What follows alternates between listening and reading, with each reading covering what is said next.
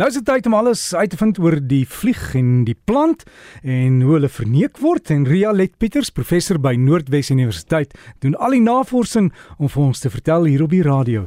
Ria Let, goeiemôre. Môre Derek. Ja, hierdie is nou nie my navorsing nie, ek lees dit op. 'n Rare Suid-Afrikaanse plant produseer 'n vloeistof en reuk wat heuningbybloed naboots en lok jakkalsvliegies om sy blomme te bevrug. Nie alle blomme beloon hulle bestuivers met nektar of stuifmeel nie. Blomme wat soos 'n bestuiver se kos ruik en lyk, bied nie noodwendig sodanige beloning vir die geflouste insekbestuiver nie. En blomme wat soos broeiplekke ruik omdat dit na verrottende materiaal ruik en waarin die niks vermoedende insek haar eiers wil lê, moet met onverrigte sake omdraai. En dan is daar die blomme wat soos die wyfie van 'n insekspesie lyk en die mannetjie lok met fop geslagsferomone. In die genoemde gevalle bereik die plant wat hy wil hê, maar die arme insekbestuiver word nie beloon vir dit waarvoor hy die blom besoek het nie. Vandag gesels ek oor 'n spesiale vorm van mimikry wat bekend staan as kleptomyophilie. Dit beskryf die vorm van mimikry waar 'n blom kleptoparasiete na die blom lok om die blom te bestuif. Kleptoparasiete verwys na vliee wat spinnekoppe en bitsprinkane se prooi steel om hulle hemolimf te bekom. Hemolimf is soos die bloed van insekte. Letterlik vertaal beteken kleptomyophilie geliefde van die stelende vlieg en verwys dus na die blom wat vlee wat predators op insekprooi steel verlei. Kleptomyophilie is bekend vir veral by ketelvalblomme oftewel kettle trap flowers waar spesifieke plantspesies ehm um, spesifieke vliegies aanlok omdat dit ruik soos die vlieg se voedsel en of ruik soos die materiaal waarin die vlieg haar eiers lê.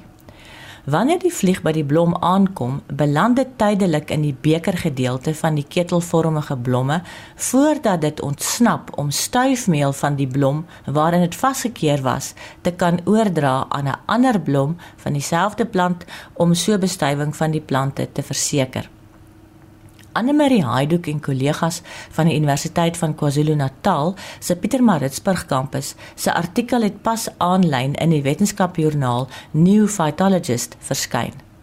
Sy het by 'n vorige geleentheid 'n soortgelyke verhouding tussen 'n kruid met 'n ketelvalblom en sy bestuivervlieg beskryf en opgemerk dat jakkalsvliegies in die omgewing van die plant in vandag se praatjie voorkom. Die naam van hierdie meerjarige kruid is Ceropegia gerardi. Dis rar en bedreig en is een van die melkbosse wat in die volksmond na verwys word as jagtersbrood omdat die knolle eetbaar is vir die mens. Dit kom in die oostelike grasvelde van Suid-Afrika voor. En die blomblare skei vloeistofdruppels af wat vir die vlee ruik soos heuningbye se hemolimf soos reeds gesê, hemolimf is soort van die bloed van 'n insek. En die reuk van Ceropegia gerardi se blomme lok spesifiek jakkalsvlee wat tot die genus Desmometopa behoort. Interessant genoeg, hierdie blomme is nie ketelvormig nie en hou nie die vlieg tydelik gevange nie.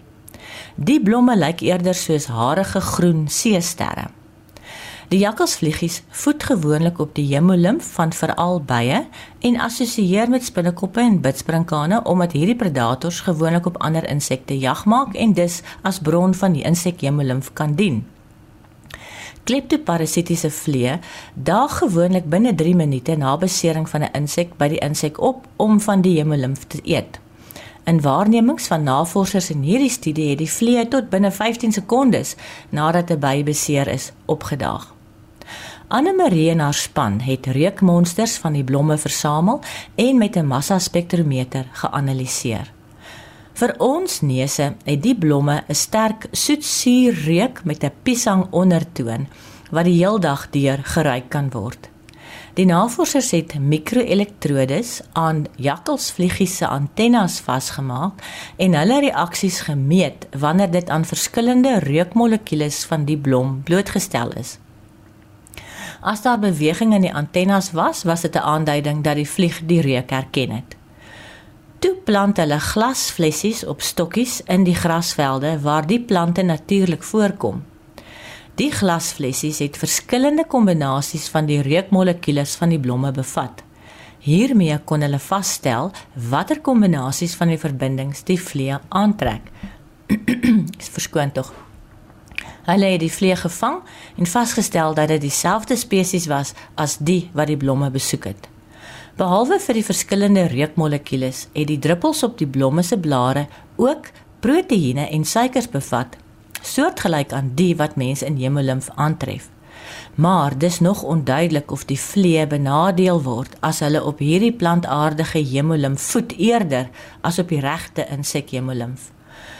Wat die navorsers egter verseker vasgestel het is dat die plante die vlee nodig het om bestuif te word toe hulle blomme toegemaak het sodat die vlee dit nie kon bereik het nie, het hierdie plante geen saad produseer nie en net plante met onbedekte blomme kon saad produseer. Die chemiese samestelling van nog net 3 ander plante wat vloeistof vrystel wat kleptoparasiete lok, is bekend Een daarvan skei verbindings af wat ruik soos die verdedigingsmolekules wat sekere spuitbesies vrystel wanneer hulle beseer is en daarom sekere vliegspesies aantrek. En die ander twee se blomme se afskeidings bevat komponente soortgelyk aan die van die by feromone wat weer spesifieke ander soort vliee aantrek. Daar is nog net 'n beraamde 2500 volwasse plante van die Ceropegia gerardi oor en hulle kom in klein stukkies grasveld voor. Die grootste bedreiging vir hulle voortbestaan is indringerplante, vuur en oorbewyding. Ek het op omgewingspraatjies se Facebookblad 'n videoetjie geplaas wat wys hoe die jakkalsvliegies om die blom van die Ceropegia gerardi saamdrom. Gaan kyk 'n bietjie.